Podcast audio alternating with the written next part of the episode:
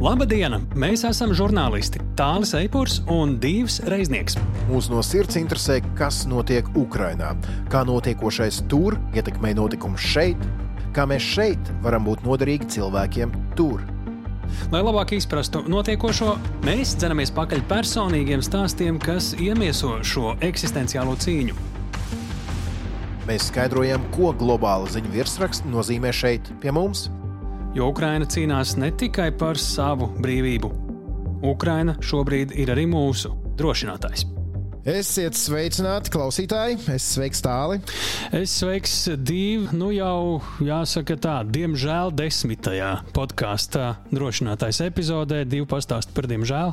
Diemžēl mums atkal jātiekas. Jā, nu mēs droši vien labprāt tūlīt pat pārtrauktu šo podkāstu, jo vienkārši vairs nebūtu iemesli tā pastāvēšanai un uh, karš Ukrainā būtu beidzies.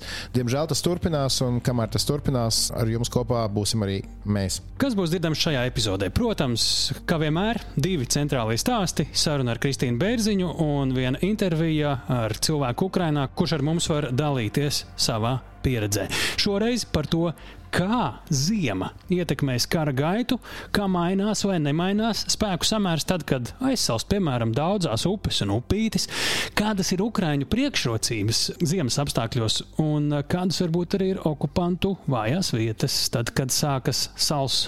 Un arī, protams, par to, kāda palīdzība Ukraiņas armijai tieši ziemā ir visvairāk vajadzīga. Par to mēs runāsim ar Ukraiņas armijas majoru Dmitriju Ivanovu pēc brītiņa. Jā, tāpat mēs šodien aizsāksim vienu jaunu rubriku, kas, domājams, būs regulāra, par to nedaudz vēlāk.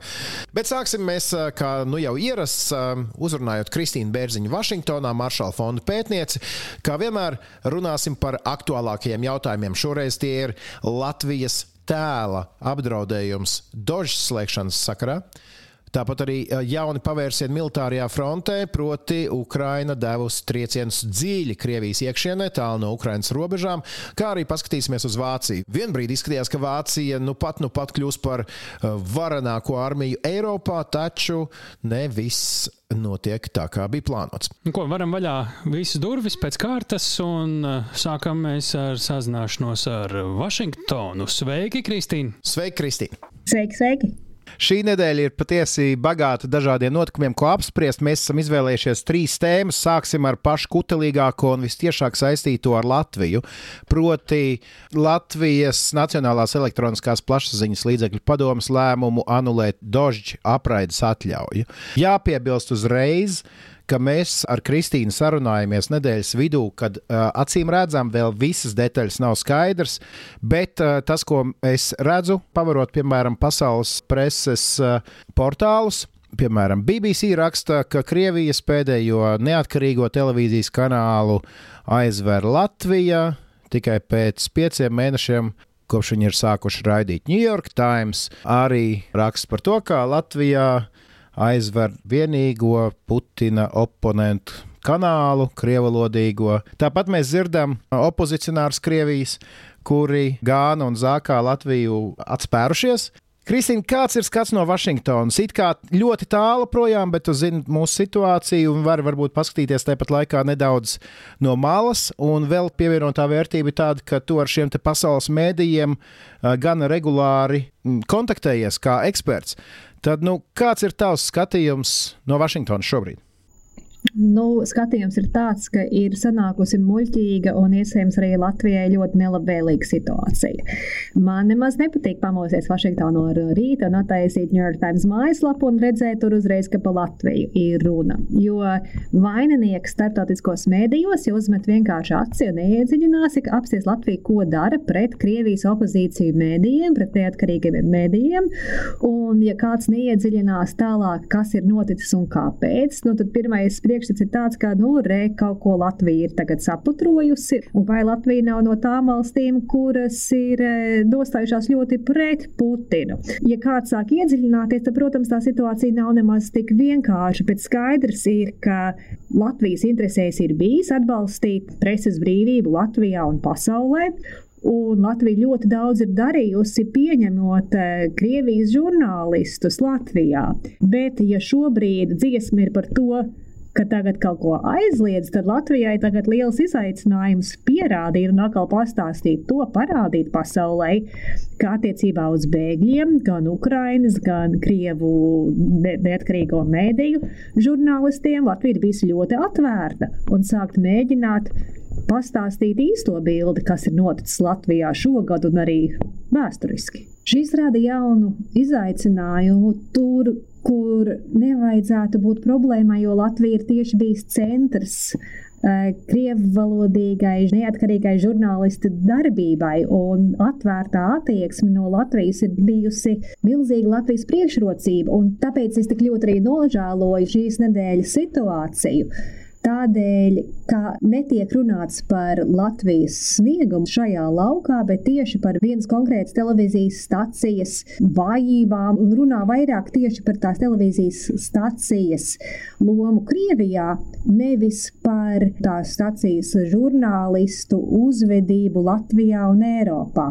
Un Latvijai būtu vairāk jāstāsta par to, ko tā ir darījusi vispārējā preses brīvības laukā. Jo par ko iet runa? Par runa ir apsties Latviju tagad nospiež dožs, un tie tie paši Vafeneses, kas vienmēr tur ir bijuši. Jo tas lēciens sociālos mēdījos no dožda jautājuma uz Otro pasaules karu notiek momentāli. Un to sarunu jāpārvērš tagad, jāpagriež tomēr citajā un daudz realitātei atbilstošākā virzienā.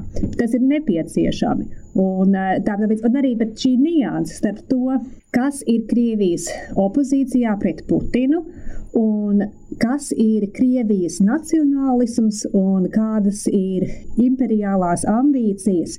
Varbūt to niansi tik ļoti bieži rietumu presē neiztirzā. Ir drīzāk priekšstats, ka ir tie, kas atbalsta Putinu, un ka tie pārējie ir tādi vidusmēra rietumu demokrāti, kuri uzskata, ka katrai valstī jāpaliek savās robežās.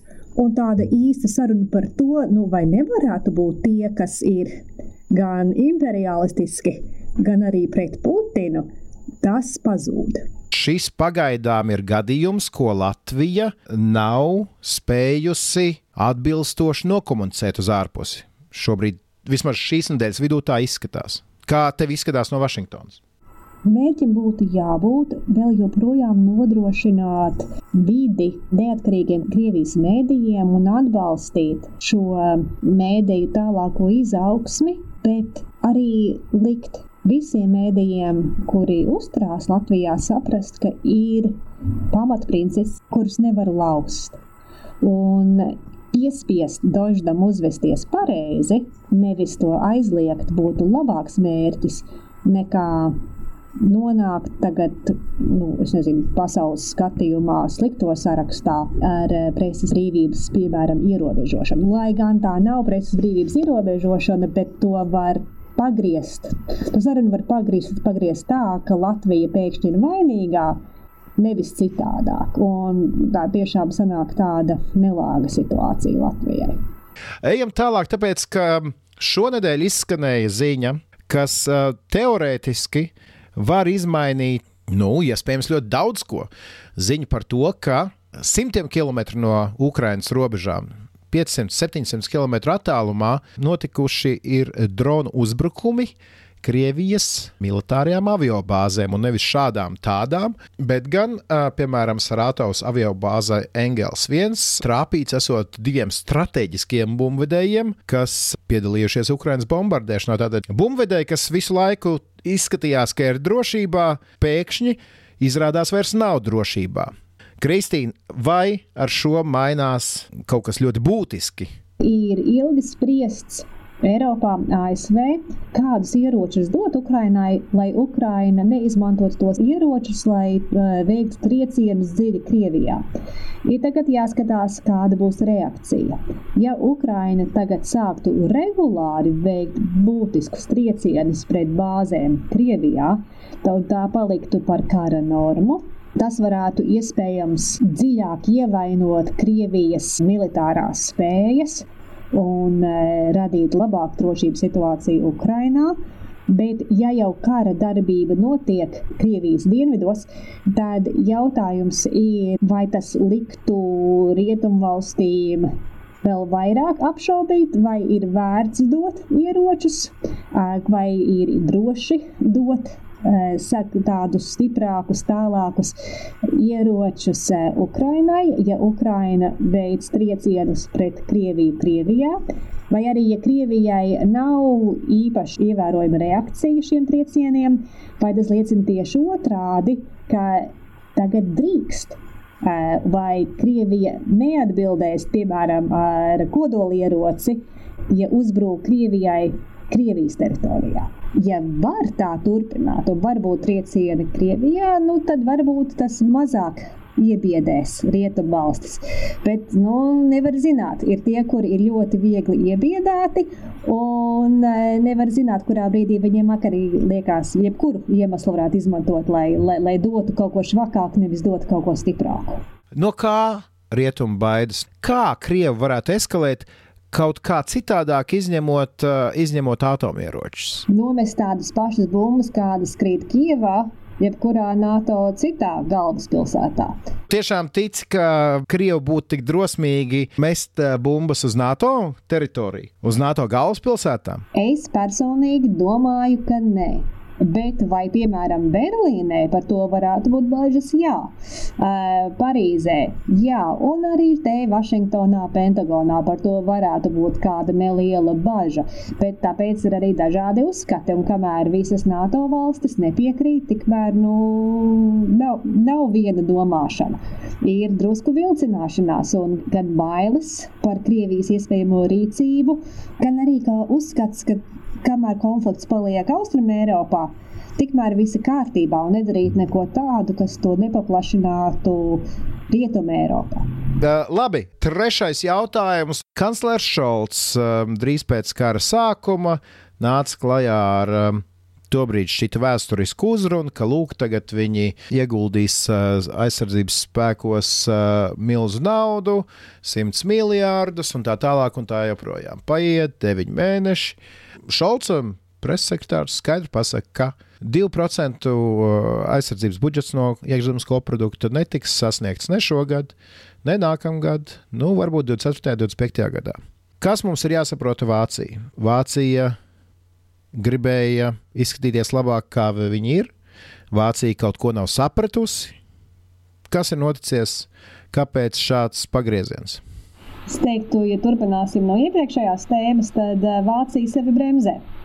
Vācija no vienas puses grib izskatīties pasaules acīs, kā tagad mainījusies valsts, ka tagad uzskatīs drošības politiku par, par nopietnu jomu, ieguldīs tagad savā aizsardzībā, palīdzēs NATO valstīm, saviem sabiedrotiem bet reālajā pasaulē ieguldīt nepieciešamos resursus nemaz nav tik viegli.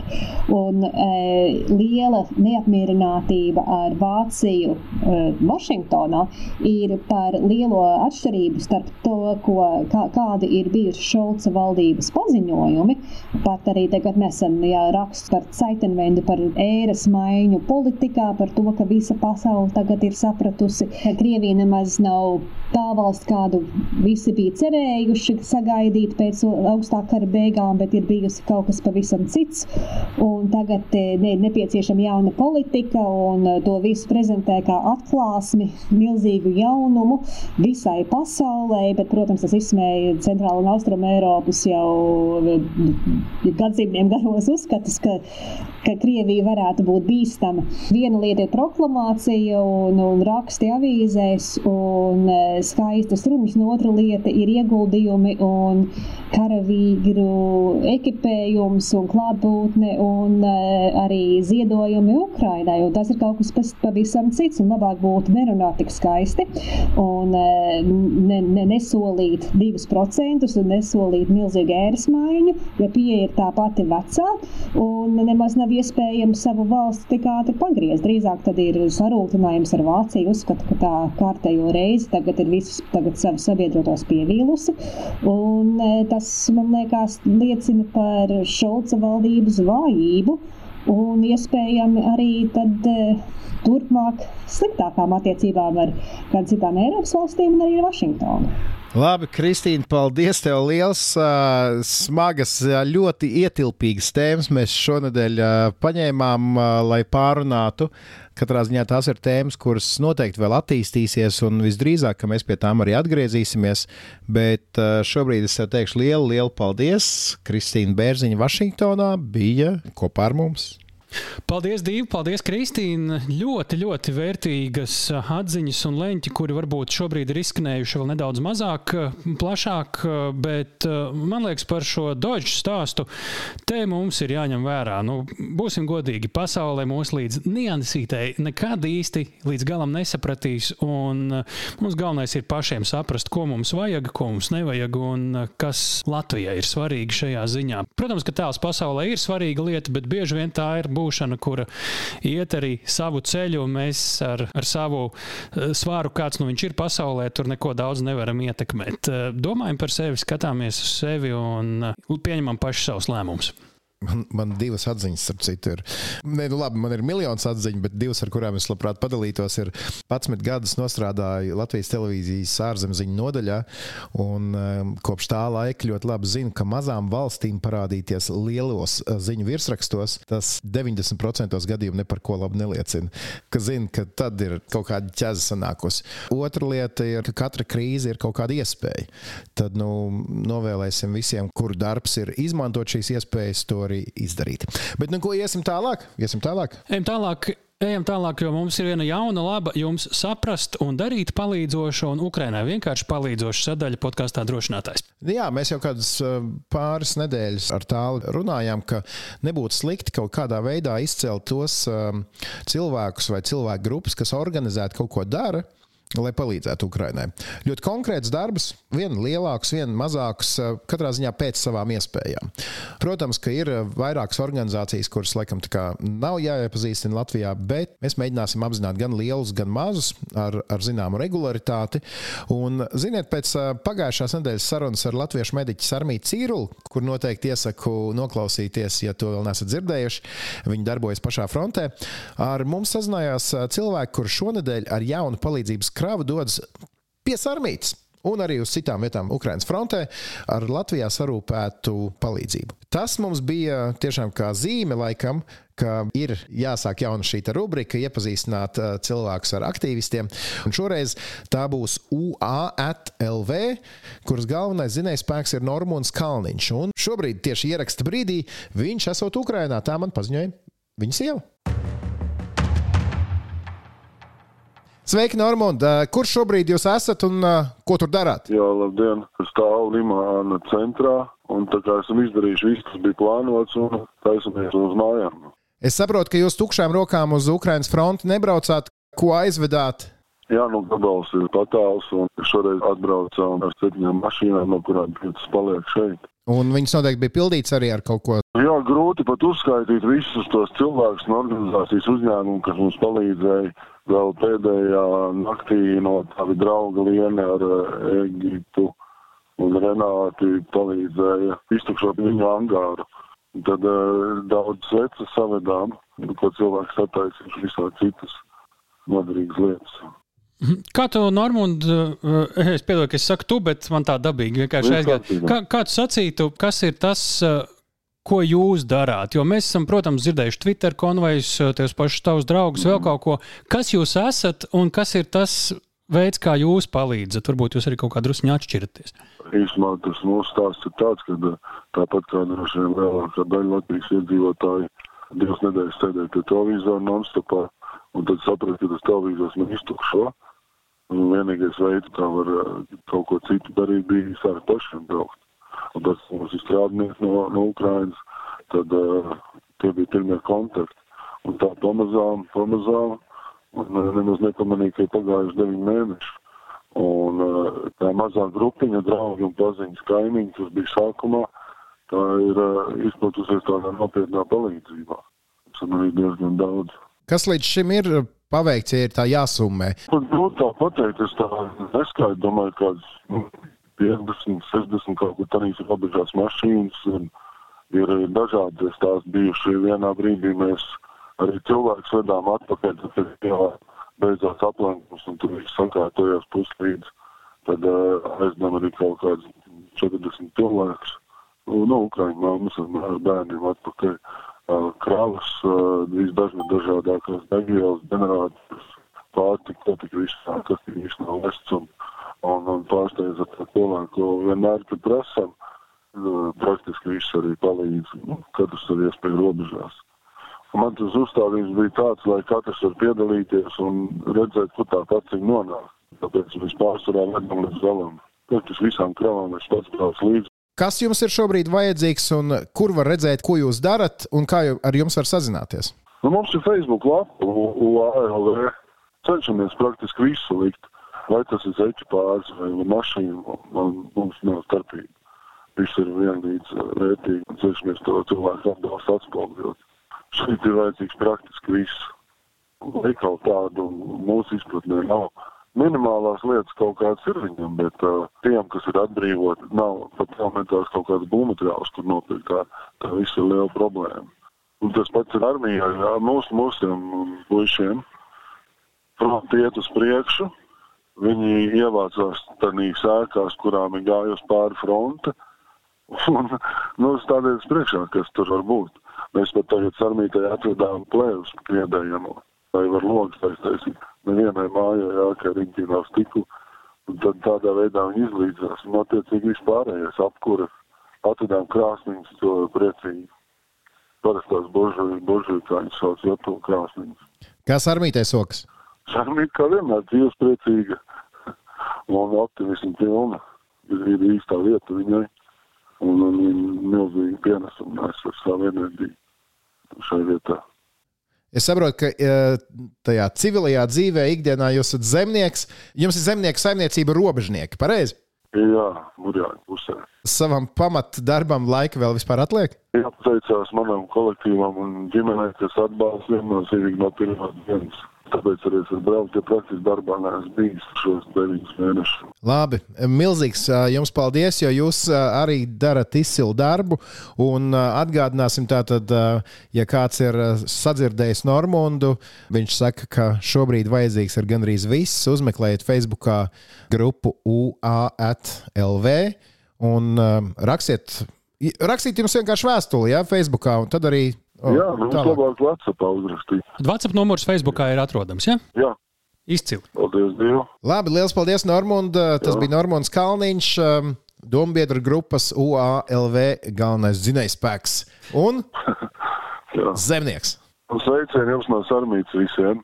Paldies! Jā, nu sveiciens visiem latviešiem un visiem ukrāņiem, kurus satiekat pa ceļām. Drošinātājs ir ar jums. Nodošu. Klausieties arī jūs, jā, paldies! Atā. Paldies! Jā.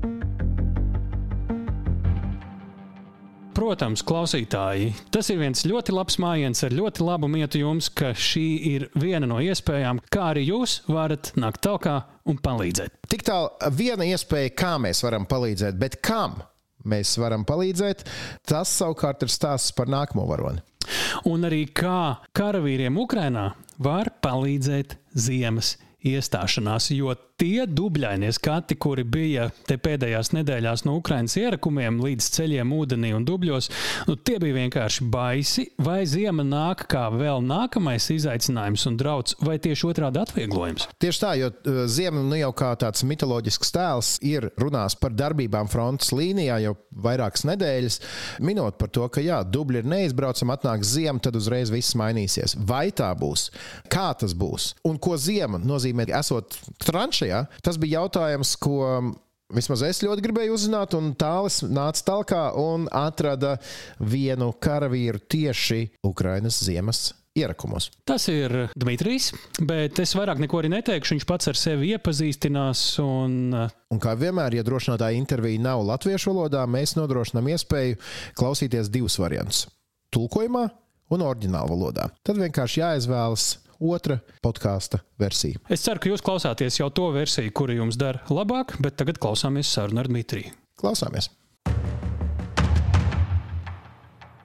Доброго дня! Доброго дня. Добрый, добрый день, да. Расскажите немножко о себе, о своего опыта и чего вы теперь делаете. Меня зовут Дмитрий, я офицер Вооруженных сил Украины, звание майор. Войну начал в 2014 году, фактически еще до того момента, как она была объявлена в формате антитеррористической операции. Э, с марта 2014 года был э, на э, различных должностях, был на должности командира обычного пехотного взвода, это 14-15 год, э, был. На должности офицера отделения специального назначения, Впоследствии переведен в морскую пехоту и сейчас являюсь офицером управления в морской пехоте на оперативно-тактическом уровне, уровне полбригада уже. То есть определенный опыт имею как на тактическом уровне, так уже немного на оперативном уровне. Ну, определенные компетенции в войне, я считаю, у меня все-таки есть. Ну, примерно так. До войны вы были кем? Это интересно, да. А, дело в том, что я закончил военный институт, недолго послужил в армии на офицерской должности, в принципе, уволился. Посчитал, что на тот момент я армии я не нужен. С 2002 по 2014 год я работал программистом я специалист в сфере информационных технологий, айтишник, как у нас говорят. Что поменялось в моменте, когда наступала 24 февраля. Как поменялась э, ваша жизнь около 24 а когда-то еще в далеком там 14-15 году, когда кто-то говорил, что мы сейчас уже в открытую воюем против российской армии полноценно, обычно звучал ответ. Вы знаете, пока в воздухе нет российской авиации и не летают ракеты, мы, конечно, воюем против России, но немножко не в том формате. 24-го изменился формат войны. Против нас включилась вся, по сути, ну, мощь российской армии. Мы ее ожидали, но тем не менее менее, для нас ну, это было тяжело. Будем откровенны до конца. Мы настраивались на эту войну, но сказать, что мы были готовы долго и продолжительно воевать, ну, не знаю, это такой сложный вопрос. Потому что мы прекрасно отдавали себе отчет, что в одиночку нам выстоять будет очень тяжело. Международная помощь сыграла, ну, на мой взгляд, решающую роль. Без этой помощи мы, скорее всего, не смогли бы продолжать войну так долго.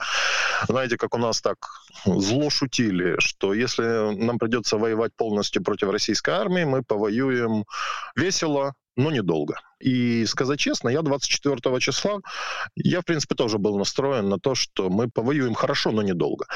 Я был настроен все-таки более пессимистично. Но на тот на момент 24 февраля я не понимал, какая будет ситуация с международной помощью. Она сыграла, на мой взгляд, решающую роль. И где-то к середине марта я понял, что ну, мы как минимум можем выстоять как минимум. А уже на концу марта я уже понимал, да, в принципе, у нас уже шансы на победу есть. Про состояние на сейчас, на декабрь года, ну, скажем так, я настроен оптимистично уже. Я говорю про то, что ну, ощущал и ожидал именно я. Почему мы вам позвонили? Это из-за того, что зима не только уже наступает, но уже она тут. Что у вас, вот как военному, первая мысль, которая ассоциируется с войной зимой? Холодно. Один большой минус – это холодно. А, смотрите, какая интересная, вот сейчас скажу, наверное, может быть, неожиданная.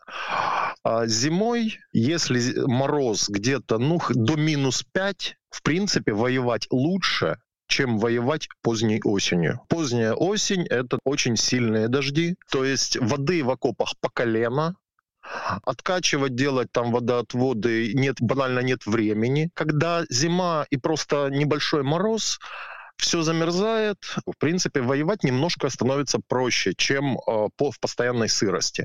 Постоянная сырость это ужасно, вот просто ужасно. Э, с ней очень тяжело справляться. Но, к сожалению, мороз, зима нас особо не спрашивает, и морозы бывают не только минус 5, а бывают минус 25. А вот тогда становится, конечно, более грустно. Аспектов тут очень много. На уровне простого солдата и там до, до взвода, грубо говоря, я могу, в принципе, их вот сейчас рассказать. Ну, например, холод. Солдату ему нужно одеваться, ему нужно тут чисто вот по физиологии, ему нужно горячее питание, ему надо немного больше есть, чтобы компенсировать э, энергозатраты. Следующий аспект э, маскировка. Зимой она затруднена. У нас все-таки распространены такие вещи, как тепловизоры. И если условно из какого-то блиндажа из-под земли торчит труба печки, да, она горячая, ну и ничего Сразу с этим видно. практически не сделать.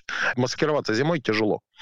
Бойца зимой в силу контраста между холодом и температурой самого бойца в тепловизор очень четко видно. Следующий аспект, технический.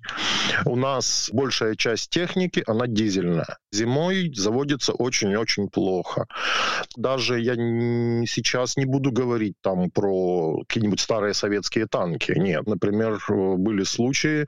Чудесный внедорожник Nissan Pathfinder, который принадлежал моему подразделению, э, мы были вынуждены ночью выходить по очереди и каждые примерно 2-3 часа его заводить, чтобы он грелся потому что иначе мы бы утром его просто не завели. Вариантов никаких. Нужно постоянно греть технику. Если мы возьмем сейчас танки, это вообще целая беда даже есть по нормативным документам, это не секрет совершенно, заложен определенный процент топлива на зимний прогрев, потому что без него никак. А, следующий аспект – это логистика. Бойцам надо на, на позициях как-то греться.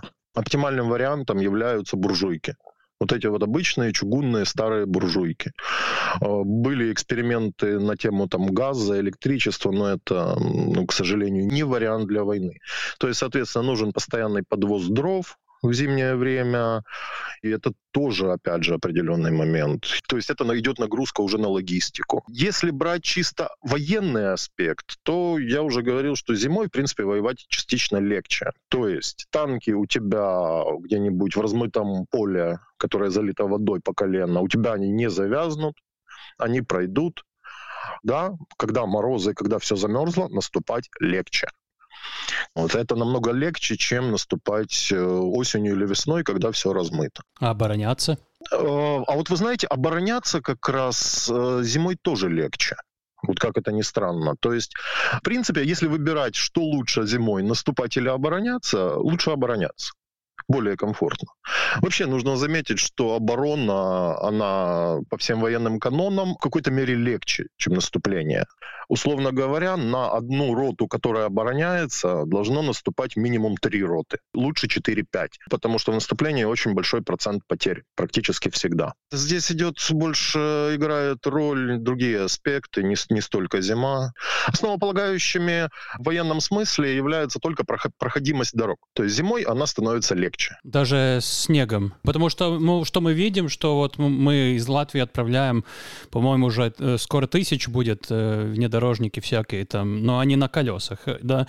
Там же снег повлияет как-то, нет?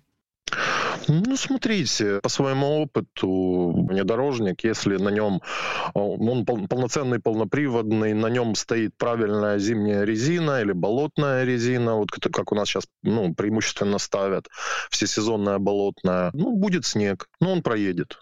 А гусеничной техники, в принципе, проще, конечно же, но зимой все равно легче, чем поздней осенью. И есть еще один аспект, который мы не договорили. Что мы видели в начале войны? Россия в основном проиграла насчет логистики вообще-то. Оккупанты, наверное, помнят, как им обошлось, да? Вот мы видим, полноценная зима пока еще только начинается. Чего вы ожидаете? Вот какая может быть эта зима насчет именно логистики? Что касается логистики. У оккупантов есть э, их сильная сторона, она же их слабая сторона, как ни странно. Это их численность. Знаете, как вот у нас э, сейчас шутят. Э, мы думали, что у России сильная армия, э, но мы ошибались. Она просто большая. То есть у них действительно большая по численности группировка сейчас оккупационных войск на территории Украины. Это очень-очень большие объемы и очень высокая нагрузка на логистику. Это боеприпасы, это продукты, это ну, много, это топливо, это ну, много всего. Именно поэтому тоже, кстати говоря, совершенно не секрет, оккупационные войска очень сильно подвязаны не только под автомобильные дороги, они подвязаны под железные дороги.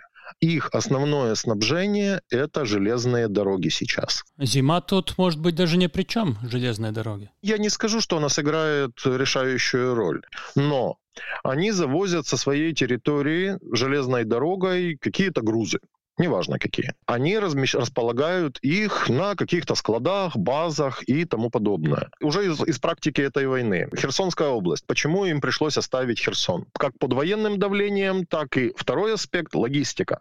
Почему? Располагать крупные склады, скажем, боеприпасов близко к линии фронта невозможно их тут же поражают там те же э, Хаймерс. Располагать их далеко — это правильно, они сейчас так и делают. Но возникает вопрос, как снабжать войска. Там уже зима появляется, да? Совершенно верно. Тут уже появляется аспект автомобильных дорог. То есть с этих баз они должны возить грузы своим войскам, своей группировке, уже автомобильным транспортом. Другого ну, пути по факту у них нет. Прежде всего, это экономическая нагрузка. Я не буду сейчас упоминать там аспект, что дороги обледенелые, их замело снегом. Это второстепенно на самом-то деле. Там рано или поздно приедет танк с, с этим самым с отвалом, он расчистит дорогу, и они поедут. Тут проблемы нет. Но это объемы, это топливо, человеческий ресурс, изнашивание самих машин. Почему железная дорога? Это огромные объемы за, ну, за ничтожную цену по факту. А автомобили это все намного сложнее. Но Украины же та же самая зима, те же самые войска. Есть какие-то, какая-то разница в логистике?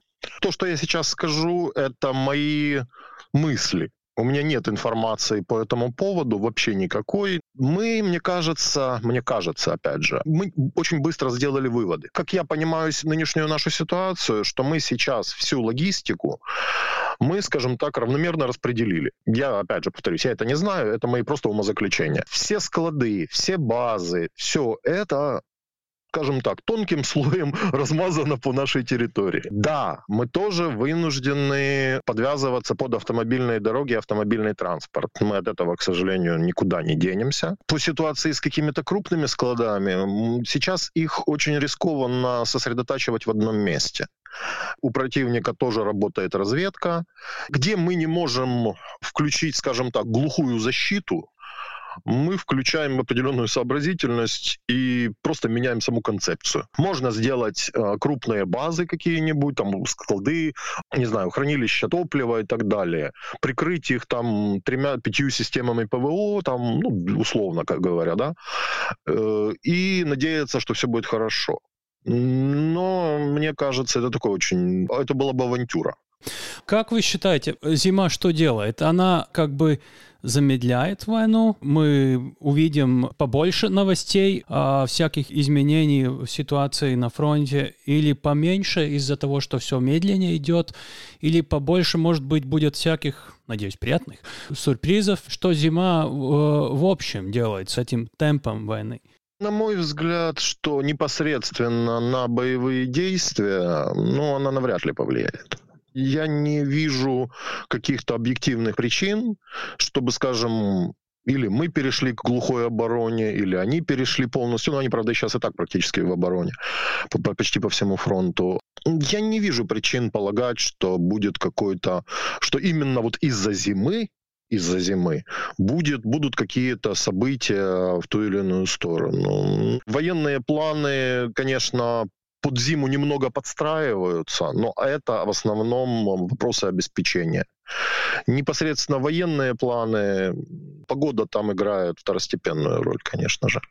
То есть я считаю, что любые события, которые будут сейчас, они будут связаны с чем угодно, но не непосредственно с зимой. Вот э, Латвия страна маленькая, сравняя с Украиной, но у моря у нас климат э, влажнее и теплее зимой. Как насчет Украины и этой региональности войны? Будет ли какие-то вот вещи, вот такие климатические, которые может э, повлиять на ход войны? Как вы видите это? Мне приходилось и жить, и воевать в различных областях. Возьмем, например, Мариуполь. Я в нем два года прожил, еще до, ну, до фазы обострения служил там. Зима преимущественно, если холод, то где-то до минус, там где-то грубо до минус 5, сильный ветер, высокая влажность, но, опять же, бывают иногда такие дни и недели, когда был мороз там минус 25-27 это для Мариуполя это очень-очень холодно. А Херсон и, например, Одесса, там теплее чуть-чуть теплее было, по крайней мере, по моему опыту, чем в Мариуполе. Если же мы берем э, Херсон тот же, там холодно становится обычно уже после Нового года. Бывает в январе, январь-февраль, э, бывает холодно. Если же мы берем северные области, как Киев, Чернигов, Сумы, Харьков, тут стабильная температура обычно в районе, ну, если берем Киев, температура 0 минус 5, Донбасс, э, в принципе, то же самое, что и Харьков. А, понимаете, в чем специфика? Донбасс, Донецкая, Луганская области – это степь, это голая степь там разница даже не, столько в общей температуре, сколько в перепадах. Например, в Луганской области летом может быть плюс 25, а ночью ты одеваешь зимний бушлат, потому что становится настолько холодно. И что это значит для войны зимой? То, что ты, ты, ты, тебе приходится с собой носить очень много зимних вещей.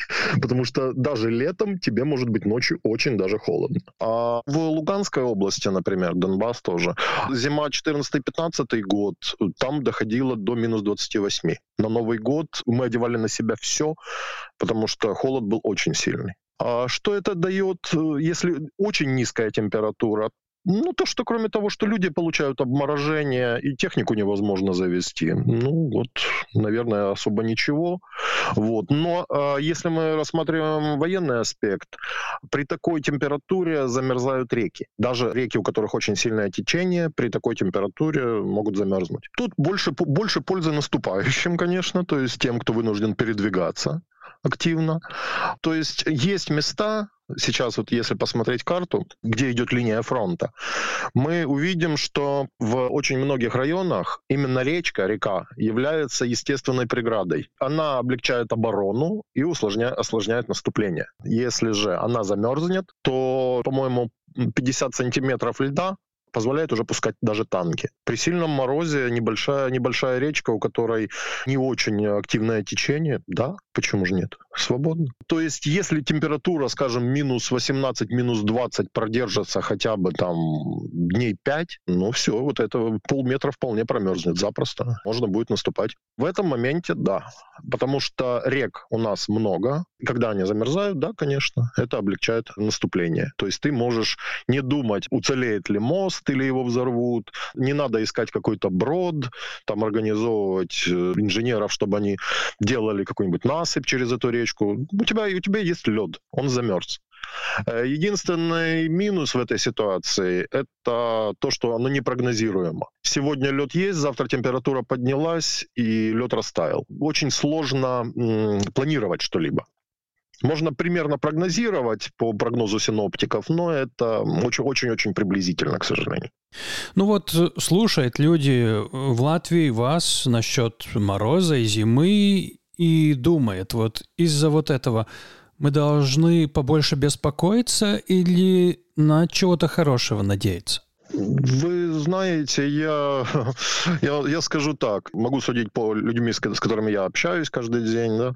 У украинской армии в связи с зимой никакой обеспокоенности серьезной нет. Объясню. Мы воюем не первый год. Конечно, интенсивность боевых действий возросла, плюс добавились те аспекты, которых не было ранее. Это авиация, это ракеты и так далее, и так далее. Но в целом, в плане условий войны, ну, я не скажу, что для него глобально что-то поменялось. Он что раньше грелся в блиндаже и нес службу в окопе, так и сейчас он, он, он греется в блиндаже и несет службу в окопе. Просто с той лишь разницей, что ему приходится более активно воевать. И все. То есть я могу сказать, ну, довольно уверенно, что к этой зиме армия готова именно армия. Если что-то и повлияет на нашу армию, то точно не зима. Другой аспект — это в целом за государство и за гражданское общество. Тут немножко сложнее, конечно же.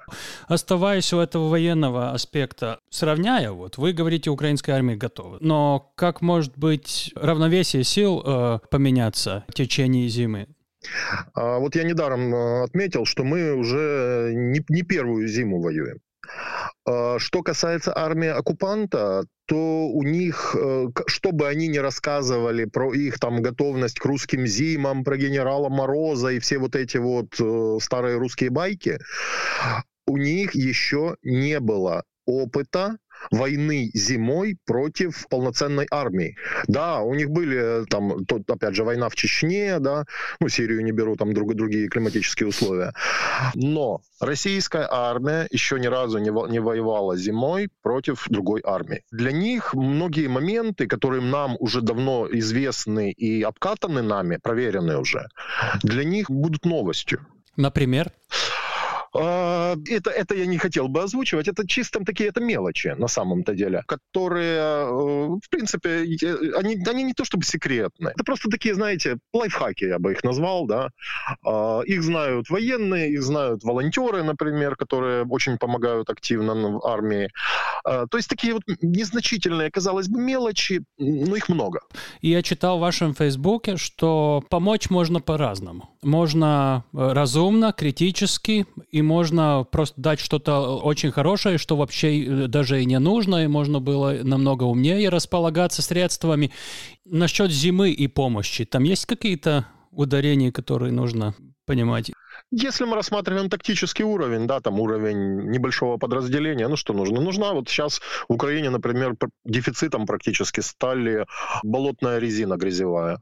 Ее раскупают очень быстро, потому что вопрос проходимости транспорта, он критичен. Да? Ну, теплая, теплая форма, ну, могу сказать, что армия сейчас ну, плюс-минус обеспечена. То есть я не могу сказать, что у нас солдаты не обеспечены зимней формой, это будет неправда. Но боец обеспечивается по определенным нормам. Там, скажем, две пары термобелья, там четыре пары носков, ну и так далее и тому подобное.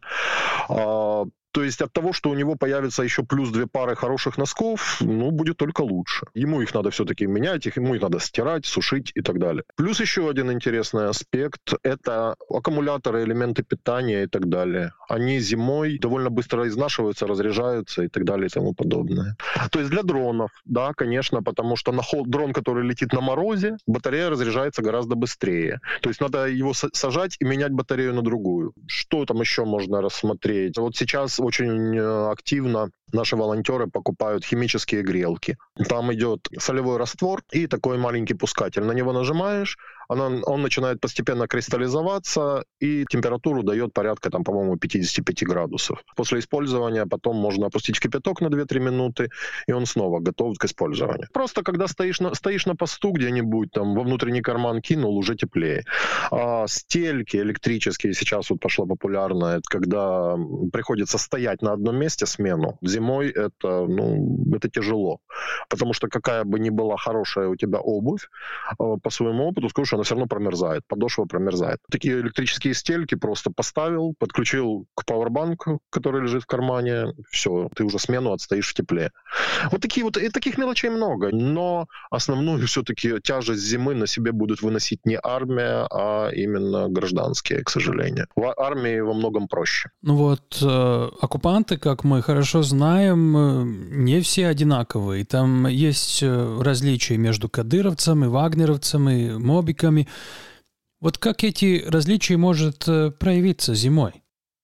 Не знаю, мне кажется, что зим, зимой в этом, в этом плане будет все то же самое, что и летом. Да, у них очень выс, высокая этническая разобщенность. Мне кажется, что с точки зрения э, тактики они будут использоваться ровно так же, как они используются сейчас. Например, если проанализировать ход боевых действий, например, под Бахмутом, который сейчас происходит, те же вагнеровцы очень активно используют завербованных заключенных, просто не считая. Очень людоедская, скажем так тактика волн. Пехоту кидают просто волнами. Пошла первая волна, их выбили. Пошла вторая, их тоже выбили. Третья, четвертая, пятая. И так пока просто противник не выдохнется. По имеющимся сведениям, они, в принципе, мобилизованных также используют.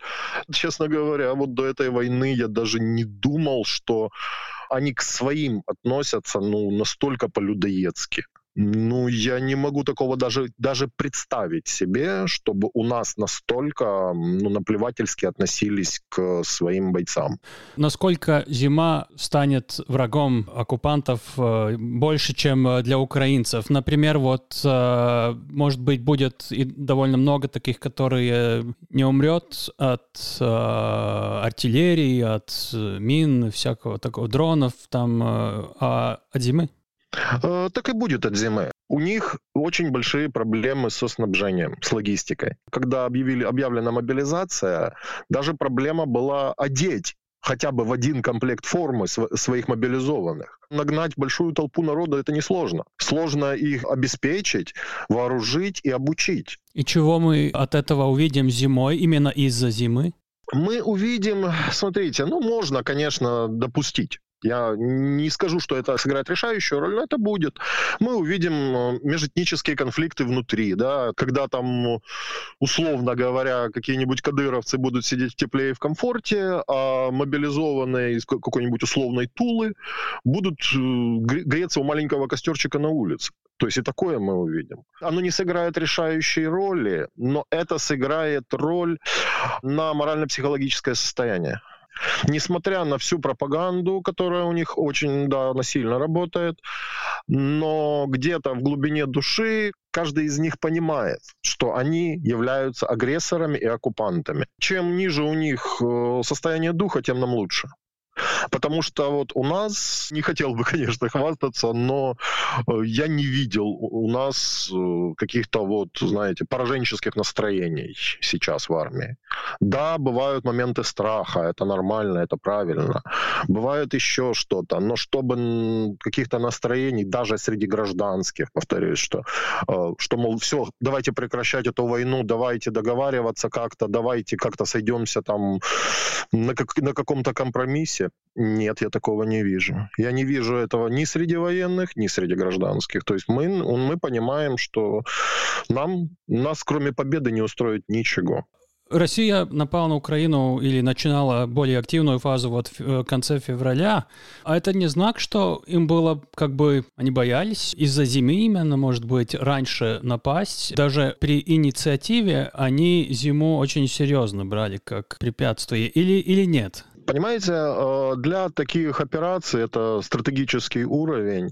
А, да, там оцениваются все факторы, однозначно. У нас много есть версий, почему они начали именно в конце февраля. Одна из них там то, что они ждали окончания Олимпиады в Пекине.